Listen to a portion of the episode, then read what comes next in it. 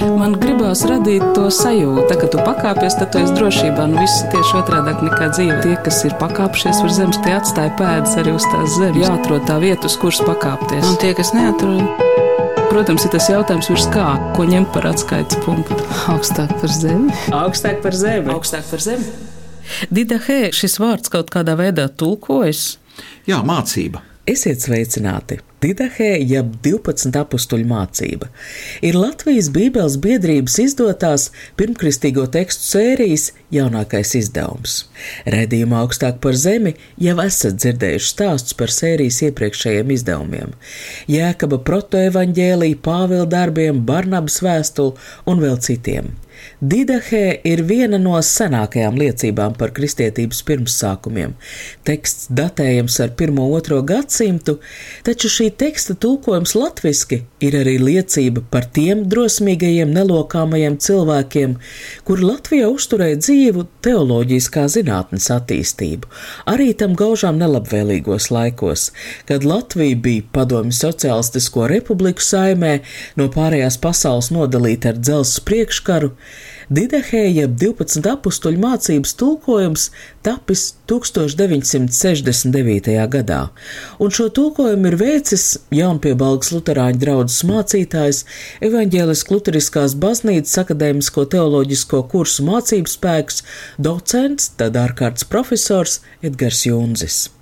Mani sarunbiedri šai raidījumā - Latvijas Universitātes teoloģijas fakultātes profesors un Latvijas Bībeles biedrības ģenerālsekretārs Valdis Tērautkalns un luterāņu mācītājs Didahē tulkojuma zinātniskais redaktors Aleksandrs Bitte. Didahēja 12 apstuļu mācības latviskojums ir bijis pieejams arī pirms šīs grāmatas iznākšanas. Viens latviskojums publicēts Biblos internetu vietnē, Edgara Junģa tulkojums 1994. gadā publicēts žurnālā Ceļš. Ja mēs runājam par žurnālu ceļš publikāciju, būtībā tas ir tas pats teksts, tikai viņš ir caurskatīts, salīdzināts ar grieķu oriģinālu. Nu, varbūt mazliet piekoriģēts, kur tas ir bijis vajadzīgs, bet principā tas ir tas pats teksts, tikai nu, ir zinātnīs priekšvārds un pēcvārds, un viņš ir tā sagatavots tādai publikācijai, kas ir izdodama atsevišķā izdevumā. Un es atradu, ir vēl senāks teksts kur tulkotājs Junzis ir ievietojis tādā pirmkristīgās literatūras kompendijā materiālā, ko vēl mašīnrakstā iespieda dažos eksemplāros un izmantoja padomju laikā Lutāņu seminārā. Tas ir patreiz retuma nodaļā Universitātes bibliotekā. Tie bija 70. gadi, 60. un 70. Jā. Edgars Junģa personība nav tikusi aizmirsta. 2007. gadā notika konference, atklājot viņa dzīves gājumu dažādās šķautnes. Dzimis 1907. gadā Igaunijas pierobežā Valks apriņķu omuļu pagasta Kalnamiciņu mājās pušelnieku deviņu bērnu ģimenē. Aprīnojamā kārtā viņam izdevies tikt pie labas izglītības. Vidusskola Rīgā, paralēli maizi pelnot koku fabrikā, vēlāk apgūstot drēbnieka amatu. Beidzot Latvijas Universitātes teoloģijas fakultāti, abiturienta Edgara Junģa zināšanas tika atzītas par tik izcilām, ka eksaminācijas komisija nolem viņu atbrīvot no gala pārbaudījumiem. Edgars Junzis visu mūžu kalpojas kā mācītājs. Arī pēckara gados, kad daudz mācītāju piemērojoties politiskajai sistēmai, pār pārkvalificējās līdz 1951. gadā tiek safabricēta politiska krimināla lieta, un tai par iegānstu kalpo Lielās oktobra revolūcijas gada dienai par godu 1950. gada 5. novembrī Doma baznīcā pēc arhibīskapa uzaicinājuma noturētais sprediķis. Tiesātājiem tā arī neizdodas safabricēt pierādījumus pretpadomu aģitācijai. Mācītāji notiesā par pretpadomju literatūras glabāšanu. Četrus labošanas darbu nometnē Vorkutā pavadītos gadus Edgars Junzis pavada garīgi rosīgi, apgūst valodas, sapņo par universālas valodas, univalodas radīšanu, apsver doktora darba teoloģijā tēmu. Junkas ir ļoti interesants, saudabīgs luterāņu teologs, kas darbojās padomju laikā. Es esmu arī arhīvu materiālos šo to lasījis par viņu. Viņu gribēja sūtīt arī studēt ārzemēs. Tas nebija iespējams. Viņš nebija kaut kādā tādā statusā, sadarbības pakāpē, tā teikt, lai būtu droši padomju var, ka viņi var sūtīta uz ārzemēm. Un manī vienmēr ir pārsteidzis tas entuziasms, ar kādu viņš pievērsās kaut šī vai citu tekstu pētniecībai, tulkošanai, zinot, ka viņa dzīves laikā nu, visticamākais tie neieraudzīs dienas gaismu, varbūt dažos eksemplāros. Tas ir tāds tiešām pārsteidzos, apskaužams entuziasms darīt par spīti visam. Viņš arī aizstāvēja disertāciju, kas arī bija, bija diezgan kontroversāla, jā, nu, nu, kur bija dažādi tādi uzskati. Saduru un arī var teikt, nu, kāpēc, jo tas taču nebija doktora grāts, ko atzīt valsts iestādes tajā laikā, bet atkal, jā, viņš to darīja par spīti visam. Un tā bija vienīgā doktora disertācija, ja es pareizi atceros, kur arī padomu laikā tika aizstāvēta. Grāmatā iznākušais Didahē tulkojums pirmo reizi iznāca, vai vismaz tika darīts pieejams ierobežotam lasītāju lokam, kā evaņģēlis Klutriskās baznīcas akadēmisko teoloģisko kursu kompendijs. Un ko nozīmē kompendijs? No nu, apkopojums tas ir tā varētu teikt tāda lekcija konspekts, kas tiek dots Nu, redziet, tas ir ļoti populārs Lutāņu teoloģijas semināru vai akadēmisko kursu sakarā, jo bija tā, ka nekāda literatūra nebija pieejama daudz studentiem. Un tad katram pasniedzējam bija uzdevums 60. un 70. gados sagatavot nu, to nepieciešamo tekstu materiālu, kas būtu kā mācību grāmata tajā priekšmetā, kurā viņš bija pasniedzējis. Tātad viņš tikai runāja, bet viņam bija uzdevums dots, tas bija obligāti. Tas nebija tādā izvēles kārtībā. Izdot šādu mācību grāmatu, kur ir apkopoti tie teksti, kas varbūt viņam tikai mājās, bibliotekā ir pieejami, kur viņš kaut ko ir tulkojis, kā piemēram šeit Juns ir ielicis arī šo te didahē tekstu. Un tad šie kompendiji tika pavairoti mašīna raksta. Tie bija nu, tā vienīgā teoloģiskā literatūra, kas tajā laikā bija pieejama studentiem, un tā bija ļoti, ļoti, ļoti nozīmīga. Un ir pat, man liekas, teoloģijas fakultātes bibliotekā diezgan daudz no tiem kompendijiem ir apkopot. Dažas no tām grāmatām mūsdienās izdod atkal no jauna akmentiņa. Darbs ir izdarots plātes, plātes Nikolai Plātes darbs. Tiešām mēs varam teikt, ka, lai arī, protams, mēs šeit bijām tā tādā izolācijā un aiz zeles priekškara, tomēr diezgan daudz arī no tām teoloģiskajām idejām, un ņemot vērā arī no to pirmskara laika teoloģijas izglītības standartu un, un tos sakarus, kas bija tomēr baznīcas starpā, tomēr bija iespējams diezgan labā līmenī arī šo teoloģisko izglītību sniegt arī tajos laikos. Vēl jau arī daudzi citu tulkojumi, un ja runājam par latviešu valodu, tad Pirmais tāds tulkojums, man zināmais, ir mācītāja Lauberta latviskotais izdevums, kas ir vēl pirms Pirmā pasaules kara. Un ar to saistās arī mana tāda interese, kad es viņu pirmo reizi izlasīju, nu jau daudzus gadus atpakaļ, un, un man tas likās tā ļoti romantiski un interesanti. Jā, tāds fantastisks pirmkristīgais teksts, un kāpēc tik maz to zina par to, un varbūt to varētu izdot. Nu, jā, nu, latviski ir bijuši šādi teksti arī agrāk. Un, uh, Un tas ir interesanti. Jā, protams, ka lasītājs tā var arī ieraudzīt dažādas nianses, jo katrs tulkojums jau nāk ar savām tādām mhm. niansēm. Un arī tas, ka šajos gadu desmitos, kas ir aizvadīti, ka cilvēkiem ir bijis nozīmīgi dažādu kristīgo tradīciju pārstāvjiem, ir bijis nozīmīgi ka šāds teksts ir pieejams arī latviešu. Latviešu baptistu mācītājs Pēters Lauberts Didahē tulkojumu paša dibinātajā apgādā Jēlgavā izdod 1912. gadā. Edgara Junģa tulkojums cirkulē topošo teologu vidē kopš pagājušā gadsimta 70. Vēl viens tulkojums, kur padomju vara nevarēja aizliegt un kas interesantiem bija pieejams Krievu valodā, bija rakstnieka Ļeva Tolstoja veikts. Jūs pirms brīža nosaucāt to par uh, maz zināmu tekstu. Man liekas, salīdzinājumā ar citiem šai sērijā iznākušiem darbiem viņš ir pārsteidzoši daudz tulkots latviešu. Ar ko viņš bija vērtīgs, nozīmīgs? Nu, es domāju, pirmkārt jau tas, ka viņš ir viens no senākajiem pirmkristīgiem tekstiem. Mums jau faktiski jau nemaz tik daudz tādu nav. Didahē, tad varētu būt Barnabas vēstule, tad varētu būt Hermas Gans, tad varētu būt Romas Klementa vēstule korintiešiem. Varbūt vēl kaut ko varētu pieskaitīt, bet nu, tas pamatā ir viss. Līdz ar to nu, tās retās liecības rakstiskās, kas mums ir par tā laika kristietību, nu, reliģiozitāti vispār, ja tā var teikt, viņas ir ārkārtīgi vērtīgas.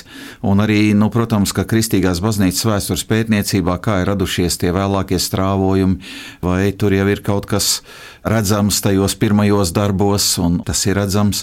Didahēja 12 apstuļu mācība, 1.2. gadsimta teksts, radies laikā, kad vēl dzīvi varētu būt Kristus notikumu atsliecinieki vai vismaz šo liecību tieši mantinieki un iztēle varētu sākt meklēt kopsakarības.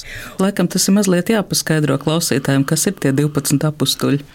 Nu, tie eh, droši vien, ka es tā pirmajā pietuvinājumā domāju, ka vēlāk kāds labticīgs apkopotājs vai redaktors būs iedevis šādu nu, ļoti autoritatīvu nosaukumu kurš sākotnējos tekstos nemaz nav bijis. Nemaz.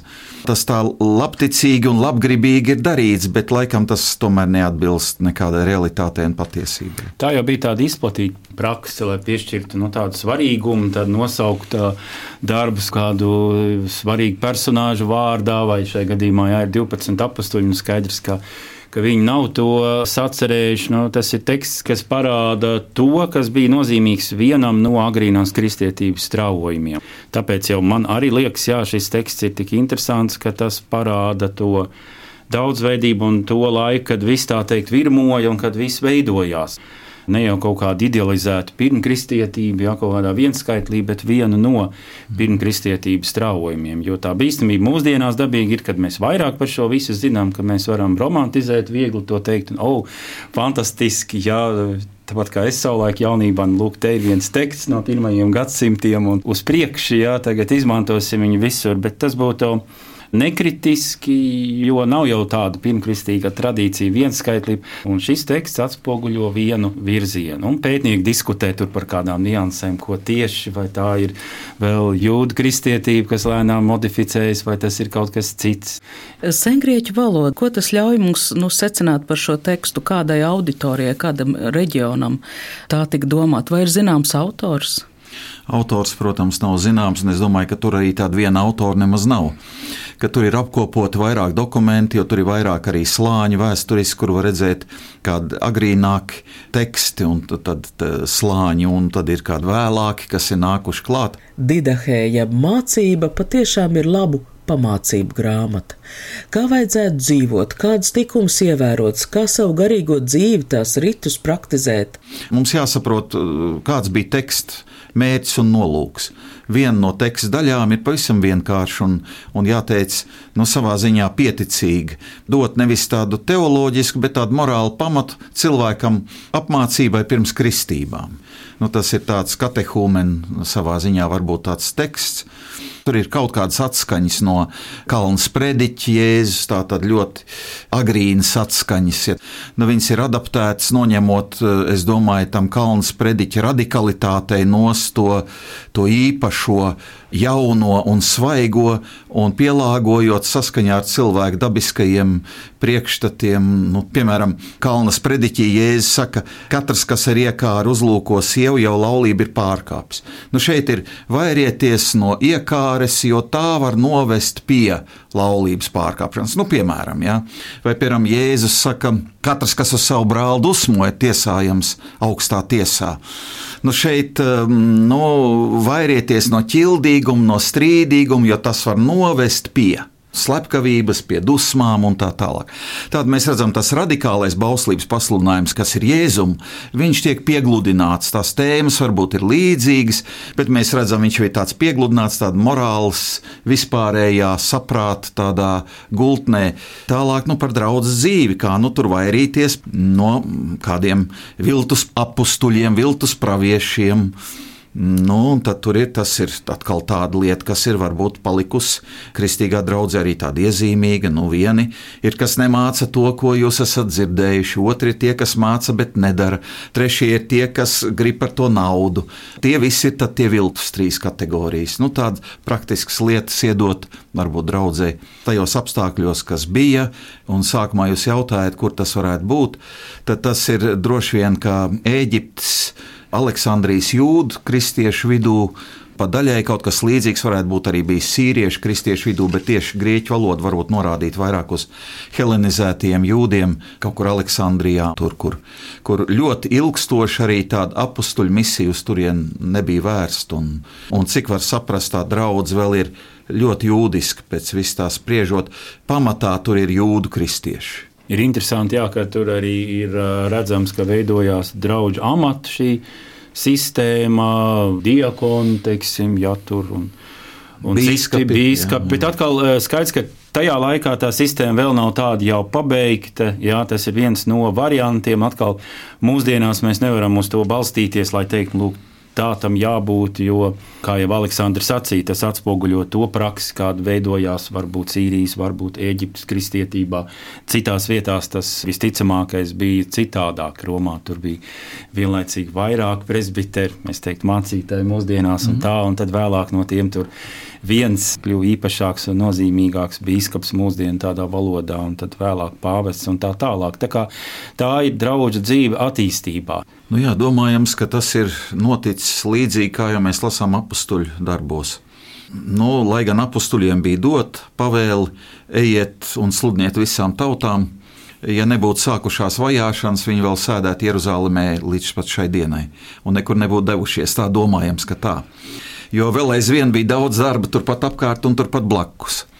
Mēs redzam arī no apakstuļu darbiem, ka tie, kas bija pie apakstuļu kājām, mācījušies, kas bijuši apakstuļu mācībā, šajā maizes laušanas sadraudzībā un lūkšanas sadraudzībā, Nu, ja tā varētu teikt, tā bija pirmā kristīgā akadēmija. Šie cilvēki bija nu, tomēr zinoši šajās mācības lietās un šo vēsti zināja.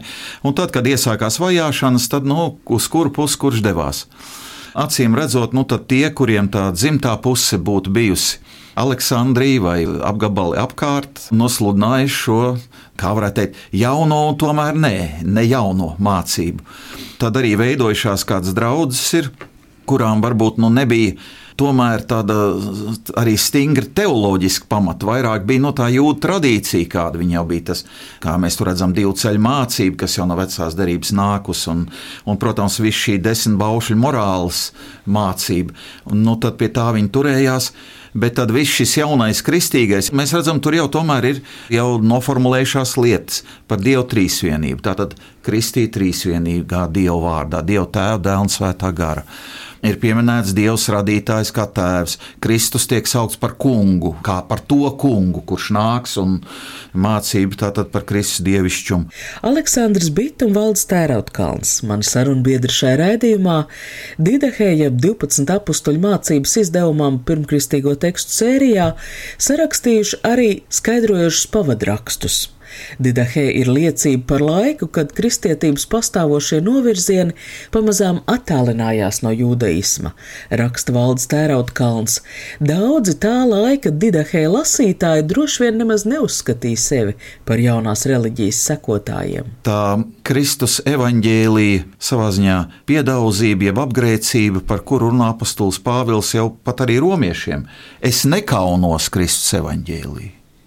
Tātad tas bija kaut kas tāds, kam varēja būt kaut kāds iemesls, no kā kaunēties. Tātad tā ir tāda mācība, kas runā par Kristu krustā sisto, kurš ir par cilvēku grēkiem miris pie krusta, jo citādi šie cilvēki nevarēja būt atpestīti. Un tas jau uzreiz izraisa liels konsekvences. À, nu tad mēs paši tad esam tik slikti, vai jūs gribat teikt, piemēram, ja? tad, vai tad tiešām ar tādu apkaunojošu notikumu kā nāve pie krusta Dievs varētu dot tik lielas augstas lietas. Tas taču tā nevarētu būt. Tāpēc Pāvils saka, es nekaunos. Ja? Viņš sludina šo mācību. Didahē atkal pārstāv tādu vidi, kur nu, no šīs vēsts par Kristu krustā sisto nav pilnīgi nekā. Tur ir šī vispārējās reliģiozitātes, baušļu morāls. Tolstojs bija viens no pirmajiem tulkotājiem, jo viņam jau bija ļoti mīļa tā tēma, kas ir arī uzasināta Didahē, kad nu, tu, no saviem grēkiem tu vari atpirkties ar žēlsirdības dāvanām. Un tā bija, protams, arī šī tēma, kas jūdaismā bija ļoti svarīga žēlsirdības dāvana došana, un tam nebija īsti sakara ar Kristus evaņģēlī. Kaut gan Kristus ir, viņš ir kungs, ir trīsvienīgais dievs, ir kristība, ir kā, nu, kaut kāda izpratne sava, savdabīga par svēto vakarēdienu. Bet, protams, ka tas ir tikai viens ļoti šaurs ieskats. Varbūt mēs arī nevaram gūt plašāk, jo nu, droši vien šī dokumenta mērķis arī bija šaurs. Teksts jau bija arī no ar savu noteiktu mērķi, un varbūt tur uz vietas bija drusku citādāk nekā mums tekstā saglabājies. Ne pirmo reizi sarunājoties par Latvijas Bībeles biedrības izdotās pirmkristīgo tekstu sērijas grāmatām, tas, kas ikreiz pārsteidz, Lielākoties šie teksti ir ļoti seni, bet no jauna atrasti salīdzinoši nesen, 19. un 20. gadsimtā. Bet vai varat man pastāstīt, kas tur toreiz notika tajā 19. gadsimtā? Jo par šo konkrēto tekstu Didahē zināms pat konkrēts gads 1873. kad Grieķu pareizticīgās baznīcas metropolīts Filotejs Briennīs atrod Konstantinopolis svētā kapa klostera bibliotēkā nu tos foliāns, un man liekas pilnīgi neticami lasām. Tātad pirmais gadsimts, kaut kādus 11 gadsimts eh, šie teksti ir nogulējuši bibliotēkā, un nevienu nav interesējuši, un pēkšņi tur 1800 konkrētajā gadā. Nu, es domāju, tas iemesls, kāpēc tas teksts pazuda, zuda viņa aktualitāte. Kā jau es teicu, tas ir teksts, kas ir radies vidē, kas ir bijis nos no apakstuļu misijas mums zināmās, jā, vai kur ir adresāti apakstuļu vēstulēm. Un, uh, līdz ar to, tad, kad nāca nu, vēlāk šie teksti, kas nāca tiešām no apstuļiem, kas nāca tiešām no evaņģēlistiem, kur varēja kalnas prediķi nevis tādā adaptētā, piegludinātā veidā lasīt, bet viņi tajā pirmotnējā, tādā paradoks īpaši spilgtā, tādā pretrunīgajā veidā, kā Jēzus ir mēģinājis izteikties. Un nāk arī šie teksti par Jēzus upuri, par šo pestīšanu, par izpirkšanu, kas ir klasiskā kristietības sirds un dvēsele. Un līdz ar to šie teksti viņi tā kā nu, vairs nebija tik aktuāli. Nu, tad bija citi teksti, kas bija tiešām autoritatīvi. Nu, tāpēc es domāju, ka viņš ar visu to, ka viņš agrīni tik ļoti cienīts, un, un droši vien arī tāpēc, ka nu, tur ir tādas pārmaiņas, radās arī cita baznīcas uzbūve, kā jau valdes pieminēja, piemēram, Aleksandrijā, kā tas ir zināms presbiteri līdz pat eh, nu, tādiem ļoti vēlīniem laikiem baznīca pārvaldīja kopīgi, nu, tā tādā demokrātiskā veidā, kur nebija tāda centralizēta varas sistēma, vai kāds patriārhs vai bīskaps lielam apgabalam. Nu, tad nu, viņš nu, nebija vairs tik, tik aktuāls, un tāpēc viņš nogrim, ne kā kāds gribētu viņu slēpt, ne kā kāds, bet vienkārši nu, pagāja paudzes, bija citi teksti, un šis kā pazuda tai aizmirstībā arhīvos. Nu, kā 20. gadsimtā, kas varbūt bija tie aspekti, kuru dēļ šis teksts no jauna, tātad vismaz divreiz tika tulkots un aktualizēts? Kas šai tekstā šobrīd ir tik aktuāls? Viņam ir sava nozīme tādā ļoti svarīgajā diskusijā, kas kristietībā ir. Kā mums skatīties uz rakstiem un tradīciju? Kur viena daļa saka, mums jāskatās uz rakstiem tradīcijas gaismā, un otra daļa - reformācijas atjaunotais uzskats, ka mums ir uz tradīciju jāskatās svēto rakstu gaismā. Kāpēc viņš kļuva tik populārs? Nu, jā, tas jau vairāk kārt minētais, ka viņš bija pazudis interesantā kārtā viduslaikos, un vēlāk uz viņu jau bieži atsaucās, citēja, bet pats teksts kā tāds, viņš jā, bija aizgājis tā teikt tur vēstures anālēs, un viņi atrada, ka nav daudz šādu tekstu. Tad ļoti ātri viņš izplatījās dažādās valodās, Hārnaks un citi. Jā, viņi tad pazīstami arī teologi ir uz viņu atsaukušies jau 19. gadsimta beigās, 20. gadsimta sākumā tulkojuši. Jā, tas likās ļoti, protams, aizraujoši, jā, ka beidzot atkal nejauši šis teksts kā tāds ir pieejams, ne tikai atsaucis uz viņu. Runājot par mērķiem, šobrīd sarunā izskanēja, ka šis didahēja ticis izmantots veidojot uh, dievkalpojumu kārtību. Tā. Jā, daudz konfesiju dievkalpojumu kārtībās. Uh, tiek izmantoti didahe elementi. Nu, tas ir saistīts ar uh, tā saucamo liturģisko atjaunotni, tātad kustību, kura sākās jau 19. gadsimtā, uzplauka 20. gadsimtā, un kas dažādās konfesijās bija nodarbināta ar, ar to, lai liturģiju pielāgot arī saskaņā ar tādiem atklājumiem par pirmkristīgo laikmetu tekstiem, nu, vienlaicīgi arī brīžiem romantizējot, kā jau es sacīju, šos priekšstats izceļot kaut ko vienu un noklusējot citu. Jā, un uz tā fona tad arī Aleksandrs par to vairāk zinās, bet arī Latvijas luterāņu liturģijā, tai līdzās tai iepriekšējai prūšu liturģijai tā sauktai tur nāk arī jaunāki teksti, kur ir didaha elementi. Līdzīgi arī anglikāņiem, katoļiem un citiem. Es domāju, ka tas ir pirmkārt saistīts ar tādu identitātes krīzi, kas mūsdienās jau dažādās grupās un un arī baznīcā tā skaitā ir, ir ļoti aktuāli. No kas mēs esam, kur mēs esam, kāpēc mēs esam reizē nāk arī tāda neusticēšanās nu, tam, kas jau ir, un grib meklēt kaut ko citu. Nu, kur tā meklēs, nu, tad meklēsim kristietību zelta laikmetā. Un tad šī liturģiskā arheoloģija atrod kādus artefaktus, kas smuki skan un kas varētu būt kaut kā tāda ar senu tradīcijas tādu atbalstu. Nu, un tad ielikt to dievkalpojumā kā tādu alternatīvu, augstbaznīcisku alternatīvu. Bet reizēm tā problēma, un, un man jāteic arī attiecībā uz to, kā nu, es kā Lutāns skatos uz šiem didaktas tekstiem, kā viņi dzīvo mūsu liturģijā, viņi ir kā svešķermenis manā saprašanā. Un kur ir tie teksti? Nu, tie ir tie teksti, kas ir par svēto vakarēdienu, par eharistiju, kur ir šī eharistiskā lūkšana Protams, tas teksts nav paņemts viens pret vienu, bet nu, šeit ir tātad par eharistiju pateicieties šādi. Vispirms par kausu mēs pateicamies Tev, mūsu Tēvs, par svēto Dāvida, tavu kalpu vīna koku, ko Tu mums esi darījis zināms ar savu kalpu Jēzu. Par lausto maizi pateicieties šādi, mēs pateicamies Tev, mūsu Tēvs, par dzīvību un atziņu, ko Tu mums esi darījis zināms caur Jēzu tavu kalpu, kā šī maize ir bijusi izkaisīta uz kalniem un savākt kļūst par vienu tā lietu savu draugu no visiem zemes galiem. Tavā valstībā sanākt vienopus.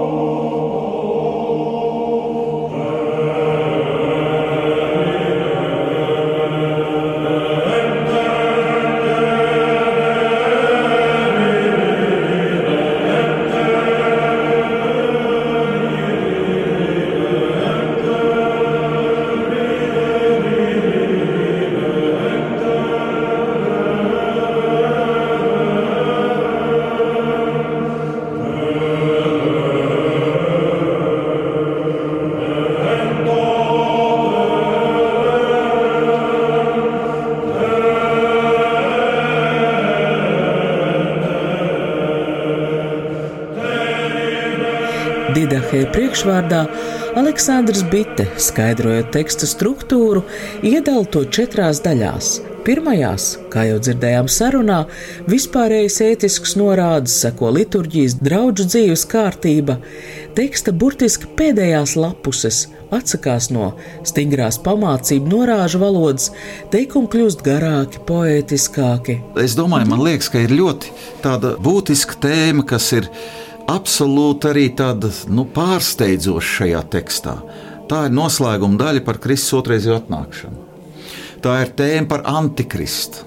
Tātad tas ir šis skatījums uz, uz visu pasaules vēsturi, kā uz mērķi tiecīgu, kur pašā beigās būs nevis labāk, un tas ceļš būs nevis aizvien labāk, un labāk, un skaidrāk un brīnišķīgāk, un, bet ka beigās būs tā pārbaudījuma kulminācija ka meli un uh, pievilkšana pārņems visu pasauli.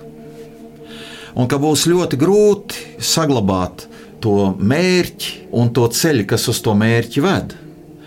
Perspektīva tāda, kas, nu, ja mēs tādu nu, tagad drīkstam to piemērīt pie šiem laikiem, kur ir tik daudz visādi maldinājumu, tik daudz dezinformācijas, tik daudz visādi mulsinājumu, Nu, pilnīgai intrigai šis teksts beidzās ar zvaigznīti un piebildi, ka dažas pēdējās rindas nav saglabājušās. Tā kā tā īsti mēs atkal zināt nevaram, man šķiet. Jā. Didahēja 12 apstuļu mācība. Pateicos par sarunu Latvijas Bībeles biedrības izdotās pirmkristīgo tekstu sērijas jaunākā izdevuma veidotājiem Valdim Tērautkalnam un Aleksandram Bitem. Ar jums sarunājās Anda Buševica par raidījumu skaņu gādāja Valdes Raitums.